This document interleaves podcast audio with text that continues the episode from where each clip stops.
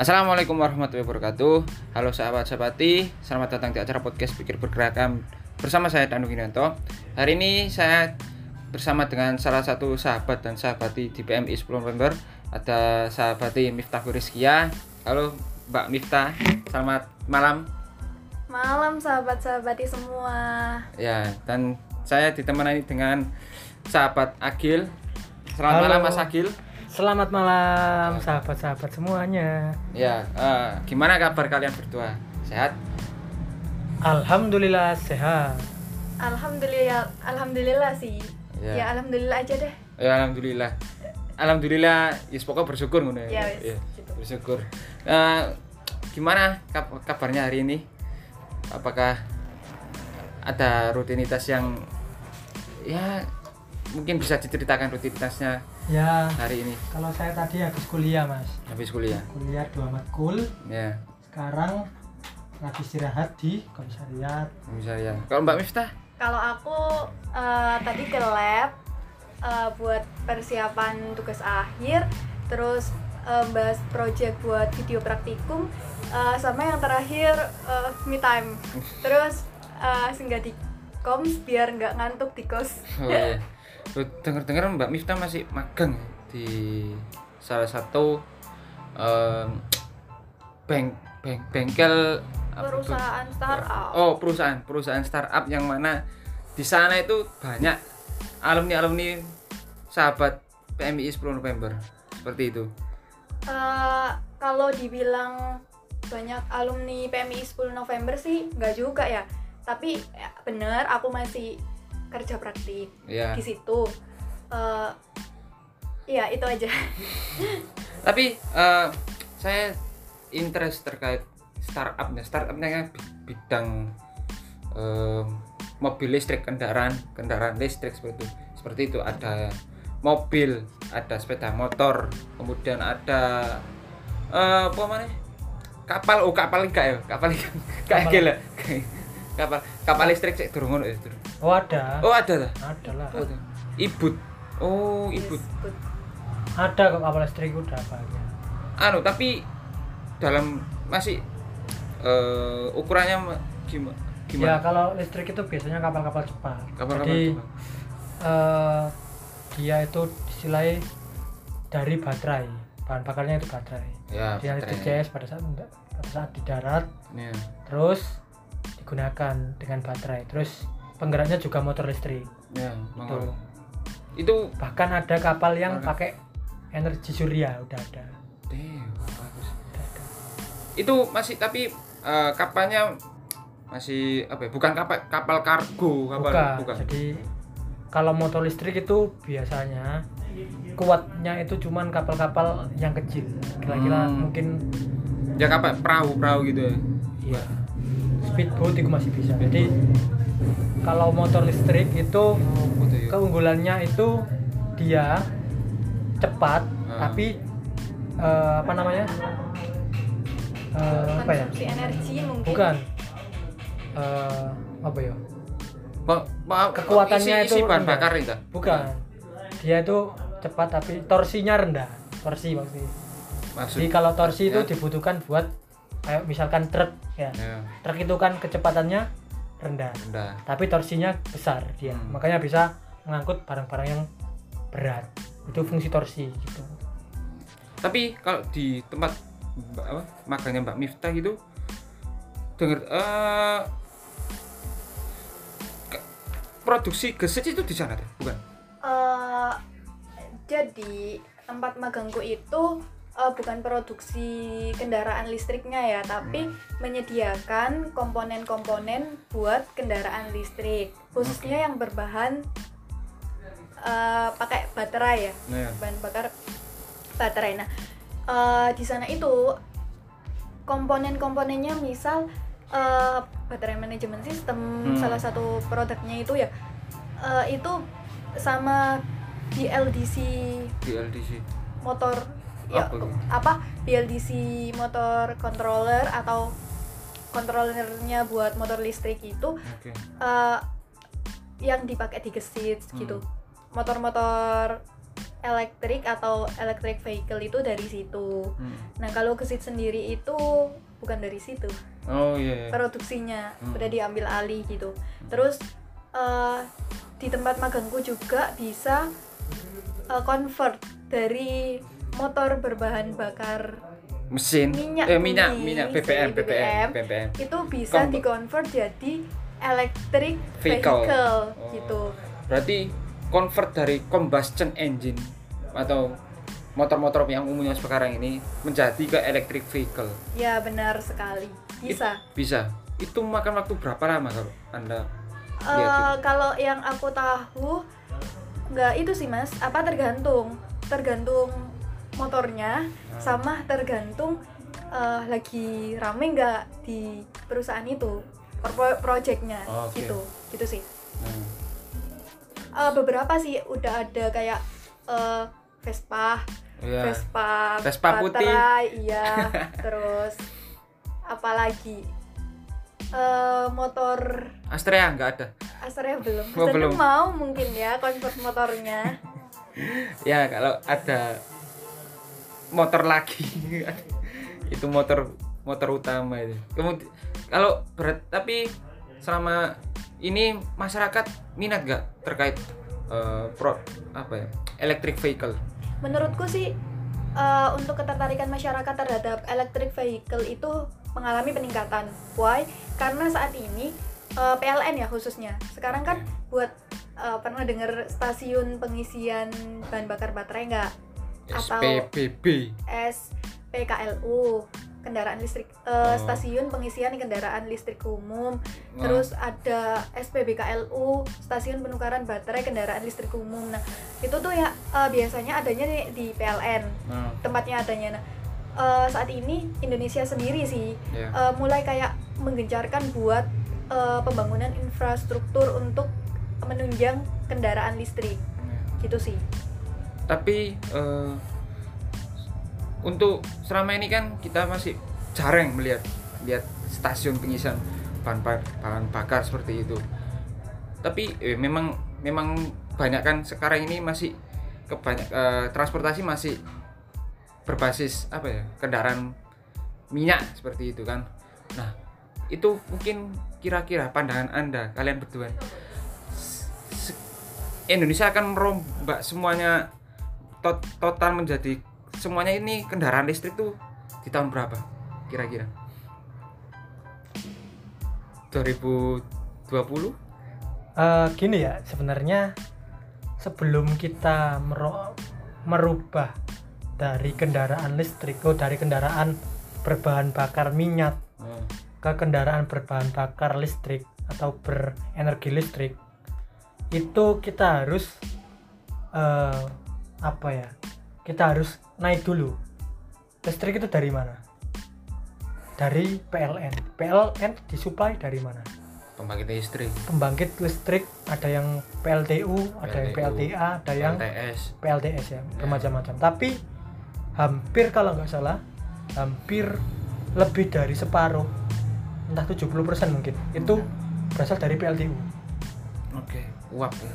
dari uap. Dan itu PLTU itu dari apa dari batu bara ya pembakarannya batu pembakaran pembakaran batu bara batu Batu bara bara. bukan Batu panas bara. bumi beda lagi kalau panas bumi PLTU kalau panas bumi itu PLTG geothermal nah itu PLTG bumi. geothermal kalau PLTU itu dari batu bara nah, Nah, sebenarnya eh, misalkan kita beralih ke kendaraan bertenaga listrik, tenaga ya. bertenaga listrik ya, berarti kan otomatis kebutuhan listrik kan juga bertambah. ya. Sedangkan kalau misalkan nanti itu sumbernya masih dari PLTU yang bahan bakarnya batu bara, ya kan sama aja kita tetap mengeruk batu bara. batu bara Kita masih eh, mencetak polusi-polusi dari Ya. hasil PLTU tersebut. ya dan itu masih menjadi dilema ya. Itu juga masih menjadi dilema teman-teman. dilema dan masih menjadi polemik Nah, di sebenarnya gitu. kita kalau kita acu di negara-negara maju misalkan di Swiss oke Itu- sus. sebagian besar pembangkit listriknya sudah terbarukan renewable menggunakan ada yang menggunakan eh, ada yang surya menggunakan masuk surya surya ya Mm. Eh, bukan surya itu bukan ya, bukan, bukan, bukan, bukan, surya bukan yang surya, surya yang disedot ya. bukan Ini surya yang menyerap. Ah, Surya Paloh. surya surya paloh bukan mas Itu, itu tokoh masyarakat, coy. tokoh masyarakat. masyarakat dari surya dan juga ada yang dari eh tek apa dari sampah ada PLTS ada yang dari angin Ya, PLT, PLT, PLT ba- PLTB B, ba, Bayu, Bayu. Bayu, ya. Benar. ada yang dari air juga ada itu Air. jadi di negara-negara Eropa itu mereka meskipun penggunaan kendaraan itu juga rendah Hmm, kendaraan kan menghasilkan polusi ya mas ya ya. dia tuh apa pembangkit listrik kan juga sudah terbarukan Hmm. jadi gitu masa masa maksudnya kalau Indonesia mau beralih kendaraannya yang lebih bersih contohnya listrik berarti eh, sumber listrik kita itu juga harus yang terbarukan juga Sumber pembangkitnya. nah dari pembangkitnya harus yang terbarukan juga gitu sih sebenarnya Eh, kalau menurutku sih mas Ya, sebenarnya adanya electric vehicle ini polemik sendiri ya. Ya. tahu kan bahan bakarnya apa? Baterai. Baterai. so mas eh, pasti tahu tuh baterai itu eh, produksinya gimana? Dia pakai logam apa? Nikel, nikel litium. Lithium. ada yang bahan bakarnya pakai litium terus nikel. Nah buat kita mengolah bahan bakar itu menjadi baku. nikel ya sorry Bahan bahan, baku. baku. itu menjadi nikel dan litium perlu yang namanya proses ekstraksi saat ini tahu sendiri kan kalau eh, khususnya industri pertambangan dan sebagainya katanya paling besar menghasilkan polusi, Polusi, ya nggak sih Iya. polusi nah di sisi lain kalau misalnya uh, kita pengen bikin baterai dan sebagainya kita kan juga harus mengolah uh, logam atau kekayaan kita jadi bahan baku. bahan baku ba- kan? Bener nggak sih? Benar nah itu balik lagi.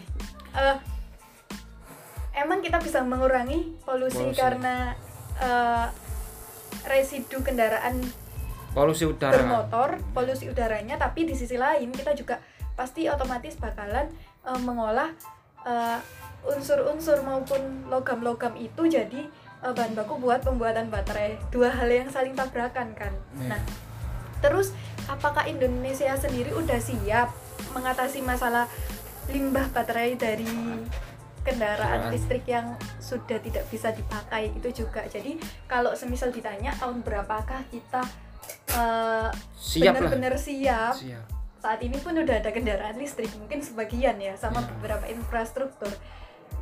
Eh, saya sih eh, belum tahu jujur belum tahu belum bisa memprediksi karena nggak tahu apakah dari generasi saya sendiri siapnya itu kapan. Seperti itu mas. Iya. gitu. Belum juga lagi aku kemarin lihat video terkait apa? Di vi- video berita itu daerah kondisi daerah di mana tempat pertambangan nikel seperti itu. Ba- eh, kondisinya yang banyak kerusakan terjadi di mana-mana. Limbahnya pun langsung dibuang ke laut. Jadi kondisi lautnya itu pun memerah. Nah itu kan memang banyak perlu diperhatikan lagi. Benar kata Mbak Miftah perlu diperhatikan lagi bagaimana pengolahan limbah limbah hasil pertambangan nikel seperti itu. Tapi eh, aku kalau aku sempat berpikir gini.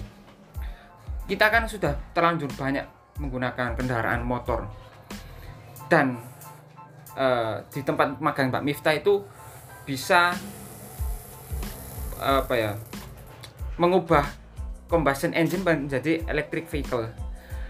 Nah, aku berpikir gimana kalau misalnya semua kendaraan bermotor ini dikonvert menjadi electric vehicle. Apakah itu memungkinkan? mungkin bisa saja Eh, apalagi ya mas kita Ya, gimana pandangan Punya- Anda seperti itu? Eh, kalau menurut pandanganku ya eh, kita kan punya eh, berbagai macam bidang keahlian ya Oke. mulai dari teknik mesin teknik elektro eh, terus teknik apa lagi Teknik K3, teknik kelautan, teknik Banyak lah, telekomunikasi. itu eh, khususnya elektro mesin sama eh, IT ya IT Ya. tuh itu eh, bisa kalau dikembangkan terus menerus pasti di- bisa memungkinkan untuk mengconvert mengconvert semua jenis kendaraan ke dalam eh, jadi el- el- electric vehicle. Nah, cuman eh, ini juga perlu dipertimbangkan ya mas. Masalah biaya juga ya. iya. Kok saya ngomongnya jadi bahas biaya juga Eh, masalah biaya dan sebagainya itu perlu dipertimbangkan lagi karena kalau emang kita pengen ngerubah semuanya secara drastis itu butuh proses. Nggak mungkin langsung eh, dalam waktu yang Singkat. seperti itu. Semua itu butuh proses gitu.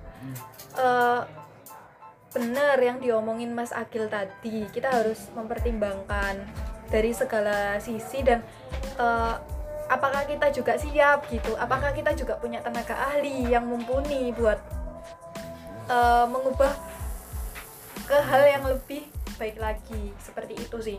Oke. Tapi gini mas. Gimana? Ngomong-ngomong masalah energi terbarukan. terbarukan ya. Renewable energy. Saya kira eh,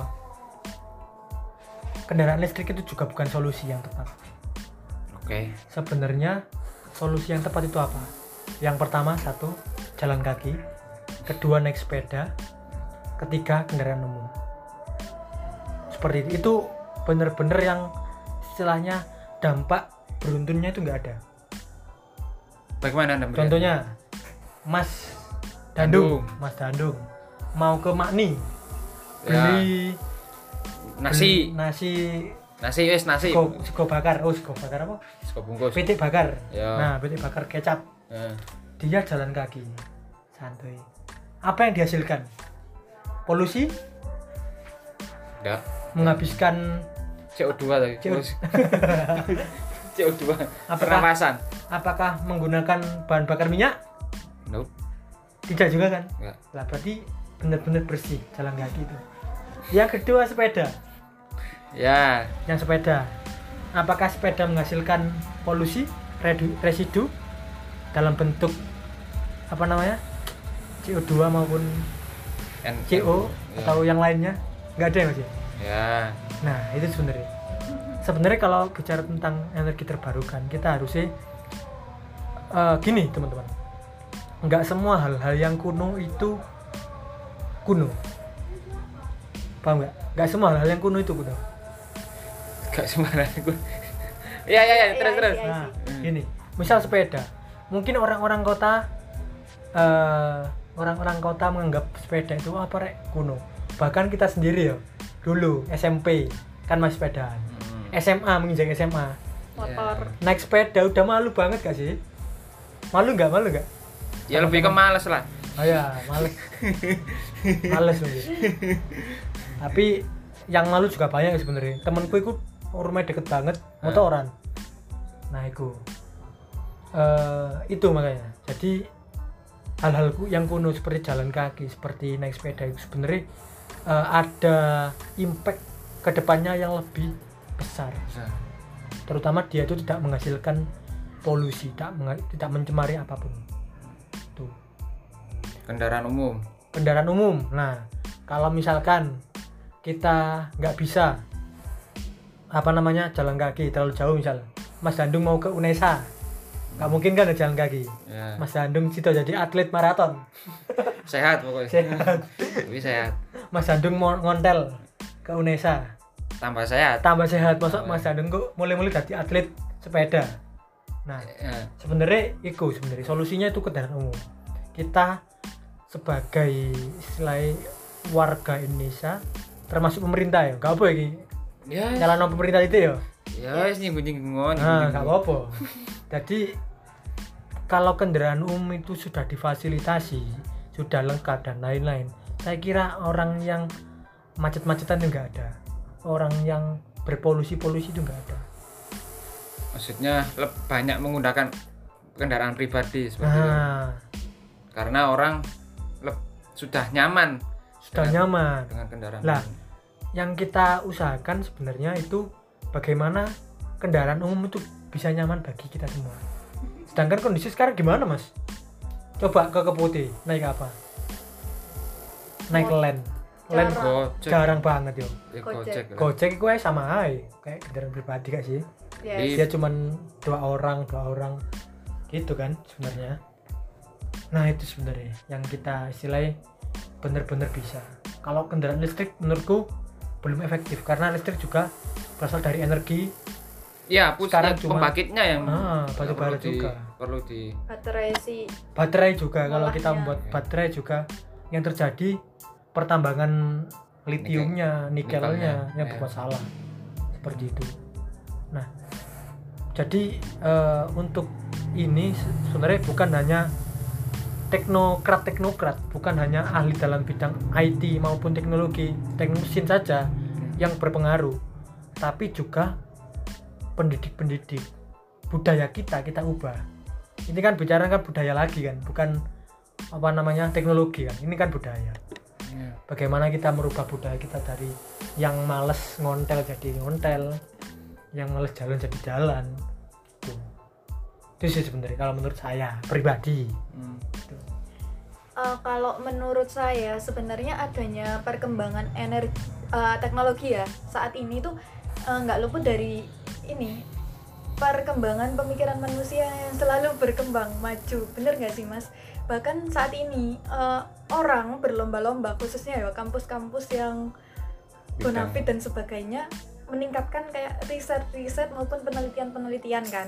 Ya, oke. Nah, jadi eh, bakalan berusaha untuk mengupgrade apa yang ada dengan mm, mencoba memikirkan problem ya, solving. dampak yang dampak atau dampak negatif yang serendah mungkin ya misal. Ya, Tapi apa yang diomongin Mas Agil benar. Budaya, sekali lagi balik ke budaya. Nah, eh, mungkin manajemen dari pemerintah dalam mengatur ini kendaraan umum itu juga ngaruh nggak sih? Hmm. kalau alasan jujur aku sendiri alasan kenapa aku juga pakai kendaraan pribadi pakai motor ya karena biar mobilitasnya cepet ya gitu kan ya nah kalau semisal eh, mobilitas kalau kita mau naik angkot ya Hmm. Mas Denung tahu nggak angkot itu bakalan jalan jam berapa apakah pasti nah Nah itu nggak pasti. Aku juga pernah naik bus. Itu eh, nggak pasti juga. Karena kalau di negara-negara lain kan kayak eh, mungkin di Jakarta ya gampangannya kan MR KRL ya. KRL kan wis kayak wis pasti kan. Itu yang salah satu yang lumayan dan banyak juga yang pakai KRL kan. KRL Tapi busway iya tapi itu kan nggak merata mas. Di Surabaya apakah ada busway? No. enggak Busway nggak ada. Masih untung-untung ada ini loh. Apa bis Tayo itu apa? Surabaya Bis- bus Surabaya bus Surabaya bus. Aku suka manggilnya Tayo soalnya. tayo kan Nah. warna biru mbak ini kan warna merah bentuknya Ya. kayak tayo ya ya ya Itu kan, nah, nah. itu kan masih beberapa cuma kota-kota besar aja kan andai infrastruktur ini merata di seluruh eh, yang ada di Indonesia Pelosok. mungkin eh, bakalan banyak yang milih menggunakan kendaraan umum. Terus nggak cuma itu lagi. Mas Danung tahu motor itu disuplai dari mana sih? Motor-motor yang ada saat ini. Dari pabrik. Pabrik. Pabrik. Pabrik itu buatan Jepang, oh Cina, dan ya ya sebagainya ya kan. ya Nah, kalau misalnya pemerintah membatasi eh, pengiriman motor ini, Hmm. itu kan juga ngaruh juga kan? Atau adanya regulasi terkait eh, penggunaan kendaraan umum Hmm. dengan konsekuensi pemerintah harus mengupgrade fasilitas yang ada gitu. Itu juga kan. nah So that's it. jadi itu masalahnya cukup polemik ya kompleks Ya. polemiknya cukup cukup kompleks kalau kita membicarakan tentang renewable energy mas seperti itu jadi intinya eh, selain kita teknologi lebih efisien lagi lebih ramah lingkungan. lebih lama lingkungan lagi. lebih sustainable. Ah, lebih sustainable lagi. Dan lain-lain. Kita juga perlu istilahnya solusi kendaraan umum. Solusi budaya kita. Kebiasaan kita. Kebiasaan kita. Seperti itu. Nah, Eh, aku ada satu sudut pandang lain sih. Hmm. Tapi dengan adanya kendaraan pribadi ini secara nggak langsung menguntungkan pemerintah. Why? Because kalau misalnya kita pakai kendaraan pribadi, semakin banyak orang yang punya kendaraan pribadi yang bayar pajak kendaraan bermotor banyak, Mas. Kalau yang bayar pajak banyak. ya masalahnya pajaknya nanti akhirnya buat memperbaiki kerusakan lingkungan sama aja Ya juga sih. nah ya alokasi dana alokasi pajak juga gitu. rakyat udah terlanjur sesak nafas gara-gara polusi. Gatal-gatal udah bayar Iya. pajak. Ya itu itu sempat disinggung oleh salah satu presiden eh presiden Amerika terkait Jak- eh, Jakarta yang akan tenggelam Ber- pernah dengar ya. Itu polusi. sampah nggak sih? Polu- polusi juga polusi eh, Bukan, ko- kondisi itu kota, climate kota change. juga kondisi kota juga yang nah polusi eh, kondisi udara di kota Jakarta tersebut yang sudah kurang sehat nah. Eh, Nah itu sebenarnya kalau kita banding-bandingkan ya antara Surabaya dan Jakarta itu nggak ada yang baik juga nggak ada yang buruk. Jadi kalau ada statement Surabaya kota terbaik, no no no no. Saya sangat tidak setuju, sangat saya sangat menentangkan itu. Karena kenapa? Cara transportasi umum Surabaya nilainya nol. Lebih baik Jakarta. Jakarta masih ada M-. MRT, KRL, busway, eh, banyak Hmm. dan di sana itu juga sudah Gojek Istilahnya- istilahnya sudah eh, merat merata hampir di seluruh penjuru seperti itu dan itu harganya juga murah Anda pernah nyoba saya pernah coba saya itu pernah dulu main ke tempatnya teman saya itu di daerah Menteng. Oh bukan Menteng. Daerah belakangnya Istiqlal pokoknya. Belakangnya Istiqlal itu di TMI Juanda Juanda. Juanda? Juanda. Jadi deket sama Iya, stasiun stasiun KRL Juanda. Oh iya iya. Belakangnya Istiqlal deket Monas itu. Hmm. itu saya ber- ke- dari Juanda ke Kota Tua. Itu cukup naik naik KRL 3000 berapa Bisa. lama itu? cuman 10 menit gak sampai paling. Soalnya kalau KRL tuh cepat sekali. Oh, jadi terus berhentinya juga cuman 5 detik mungkin. Kalau nggak 10 detik. Hmm. dia habis berhenti 1, 2, 3, 4, 5, 6, 7, 8, 90 terus pintunya tutup lagi terus ber- berangkat lagi. Gitu. Dan KRL itu tiap 5 menit itu ada. Oh, ada petuk bukan ada yang lewat. Oh, jadi kita nggak perlu lihat jadwal dan lain-lain. Kita cukup tunggu 5 sampai 10 menit lah paling lama. Itu udah ada lewat lagi KRL tuh makanya. Itu yang yang di Surabaya itu nggak ada. Seperti itu. Kayak di Jepang nggak sih? Yang aku lihat itu eh, negara-negara seperti Jepang Korea tuh mereka lebih banyak menggunakan kendaraan umum dibandingkan eh, kendaraan pribadi kan? Nah. Nah padahal mereka adalah pencipta teknologinya. Nah. That's- penyuplai, penyu- Ya. eh, Nah. tempat produksi kendaraan banyak kendaraan yang diekspor ke ber- berbagai negara. Gimana ini? Jepang yang menjual kita hanya yang beli. Lingkungan kita rusak. Masyarakat kita jadi gemuk-gemuk. Obesitas. Obesitas gara-gara nggak pernah jalan kaki. Nah itu sebenarnya masalah ya itu kembali lagi masalah kita budaya pola Budaya, hidup pola seperti hidup. seperti apa pemerintah juga ya. harus sebenarnya harus melek tentang itu Eh, sebenarnya sih semua itu balik lagi ke kata cukup nggak sih nggak perlu maksudku kalau emang oke kalau kendaraan berbahan bakar BBM ya. itu Minyak. cukup maksudnya nggak terlalu over terus yang listrik nggak terlalu over yang menggunakan kendaraan tradisional nggak terlalu over juga. Hmm. pasti seimbang nggak sih? Tapi kalau seperti itu nggak bisa sedangkan pertumbuhan penduduk itu semakin tahun semakin meningkat. Otomatis penggunaan kendaraan entah itu BBM listrik dan lain itu pasti meningkat. Kebutuhan akan transportasi itu akan meningkat juga. Iya Jadi, sih. ya kalau misalkan bisa di stop pertumbuhan penduduknya sih ya bisa sih tapi kan nggak mungkin kan. Oh ini Karena- Pak, sudah banyak penurunan penduduk ini? Karena, Karena COVID. Ya karena COVID. Karena, karena COVID. Tapi kan jumlah penduduk Indonesia pertumbuhan Banyak, per tahunnya kan belum menurun. 270 juta. Iya dan 70 juta terakhir. Data dua- terakhir. 2020 itu kita terbesar ya keempat. Terbesar keempat. Di dan, dunia. dan termasuk Pulau Jawa ini adalah terpakai pulau pulau dengan penduduk yang terbanyak terbanyak di dunia. Bayang lo satu seket juta. Iya. sak pulau Jawa. Bayang lo lihat aja Rusia. Rusia sak mau nombone loh penduduknya sekitar eh, 100 100 berapa gitu. Juta. Hmm. itu.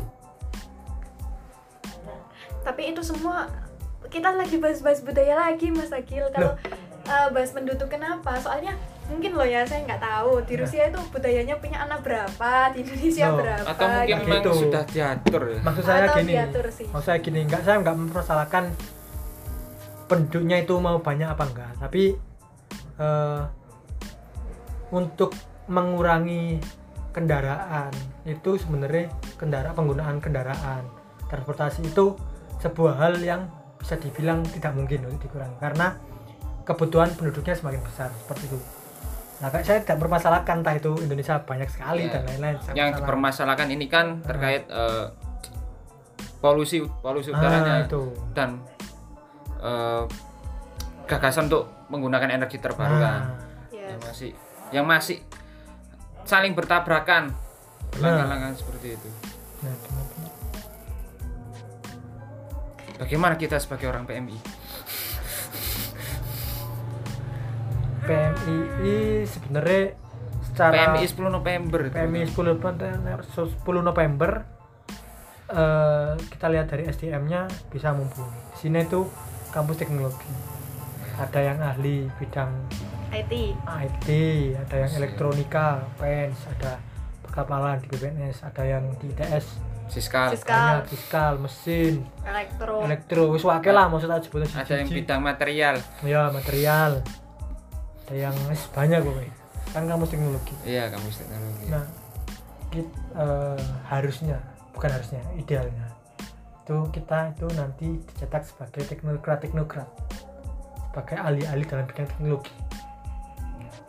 Dalam hal ini kita harusnya juga mempertimbangkan tentang eh, lingkungan juga, bukan hanya tentang profit. profit Nah, kalau sekarang istilahnya kita sudah dibudayakan untuk menjadi teknokrat ini adalah profit, profit dan profit dan kita tidak memperdulikan lingkungan. Ya gini-gini aja Indonesia, bahkan bisa semakin buruk. bukan Seperti hanya itu. Indonesia kondisi ke bumi Ah. ke depannya seperti apa Kondisi bumi ke depannya bagaimana? Jangan sampai kita alien-alien datang ke sini mengambil alih bumi gara-gara manusia tidak becus. Eh, sebagai sahabat sahabati pergerakan mahasiswa Islam Indonesia kita kan eh, juga ditanamkan nilai ya nilai dasar pasti Nah, masih ingat kan empat nilai dasar itu Dasar pergerakan. salah satunya yaitu hablum minal Alam. alam. Nah, kita harusnya secara nggak langsung itu eh, tetap memperhatikan atau mengimplementasikan nilai itu dalam kehidupan sehari-hari kita. Nggak apa yang diomongin Mas Agil tentang jalan kaki, bersepeda, alternatif, itu alternatif. alternatif yang bisa kita lakukan untuk tetap menjaga alam ya nggak cuma itu saja buang sampah pada tempatnya itu ini yang sangat perlu khususnya uh, yang harus selalu diimplementasikan sama sahabat-sahabat di 10 November karena uh, saat ini ya kemageran. Dan kemageran itu membuat terkadang tidak peduli terhadap sampah. Nah, gitu Mas Dandung sekarang kan sudah mulai digagasnya adanya zero waste itu. Yes. ya mungkin bisa kita tidak hanya dengan jargon buang sampah sampah buang sampah sembarangan ya, tapi bagaimana kita tidak menciptakan sampah sebisa mungkin nah, misal kita beli makanan pakai tote bag Nah. ya kan bisa mengurangi mengurangi sampah plastik gitu, Nah. gitu. meskipun kita tetap menghasilkan kertas sampah Nah. kertas kalau makan kita makan di warung saja. ya itu Nah, bisa. terus kita uh, naik bus yang bayarnya pakai Botol. botol. Nah. Nah, itu komisaris kan dua. menghasilkan Botol. botol, Nah. banyak juga itu bisa dikumpulkan kemudian nanti ditukarkan Iya, kan misal nggak nggak buat naik bus, misal Nah, kita jual ke pengepul-pengepul yang Iya. daur ulang. ya Nah, komisariat dapat uang. ya profit dari Profit. hasil Alhamdulillah penjual. bisa kita celengi buat memperbaiki komisariat. gitu mungkin komisariat butuh kipas angin butuh AC ya. Ya. Asik gitu kan. mending direnovasi mending direnovasi. Seperti itu Mas Ando Iya. gitu sih. Mungkin ada tambahan Mbak Miftah?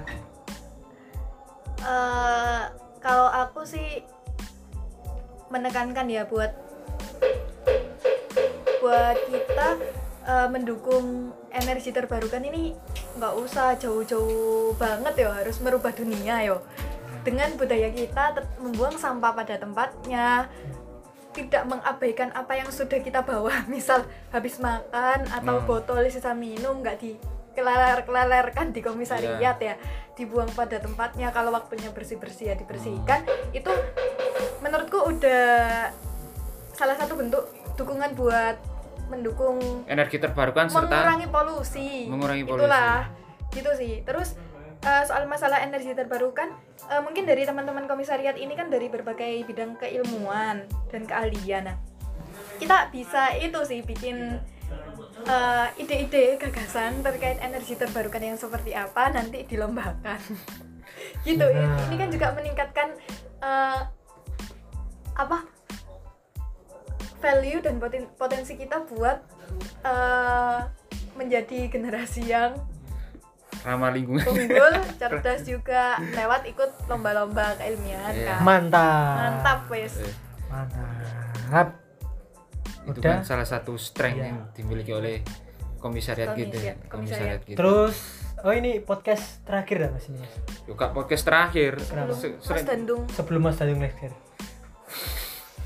ya Iya. ya di akhir kepengurusan saya oh Eh, apakah maksud- mau apa? podcast lagi apakah ini yang terakhir mas enggak nanti ada podcast lagi dengan jadwal saya setelah wisuda ada podcast lagi Widih, Mas Dandung semangat ke podcastnya itu patut diacungi jempol. Jempol, not ya tak. jempol jempol Iya sih, aku juga baru pertama kali ikut ngepodcast sama Mas Dandung dan eh, suatu kehormatan besar ya. ya terima kasih Ini udah close the door ini, Eh, ruangannya Mas Dandung ini. ya terisolasi Close the door, close the door. ya tapi tetap masih dengar suara bakul sego goreng bakul mie ayam Tetap Nah. mematuhi protokol kesehatan. Kesehatan. Kenapa kok ada bakul sego goreng, bakul mie ayam, bakul bakso? ya mencari Ya. nafkah Iya, soalnya kita ikut mempromosikan mereka. Walaupun cuma tek-teknya saja ya masuk. itu podcast ini juga beberapa kali mempro- mempromosikan UMKM Nah, mempromosikan follow Instagram Nah. Instagram ya nah itu. jangan lupa teman-teman download Spotify-nya dan berlangganan podcast pikir pergerakan Nah, subscribe Woi. subscribe. Nanti bisa mendengarkan tek-teknya Bapak-bapak tahu tek. Yo kak, bukan itu. Yang mendengarkan diskusi kita Oke. yang kita upload di spot di Spotify. Mantap. Ya. Aku itu sih sempat tahu satu fun fact tentang Mas Dandung. Mas Dandung ini suka naik bus ya, suka ngumpulin botol. Iya, memang akhir-akhir ini memang suka ngumpulin botol dan saya tukarkan ke Surabaya bus. Tapi tapi tiketnya masih belum ada yang boleh. Oh. Ya karena belum naik, belum naik. Mantap. Itu. Ya mungkin sekian dari kita akhiri saja ya podcast pada malam Oh iya. Mas. Apa?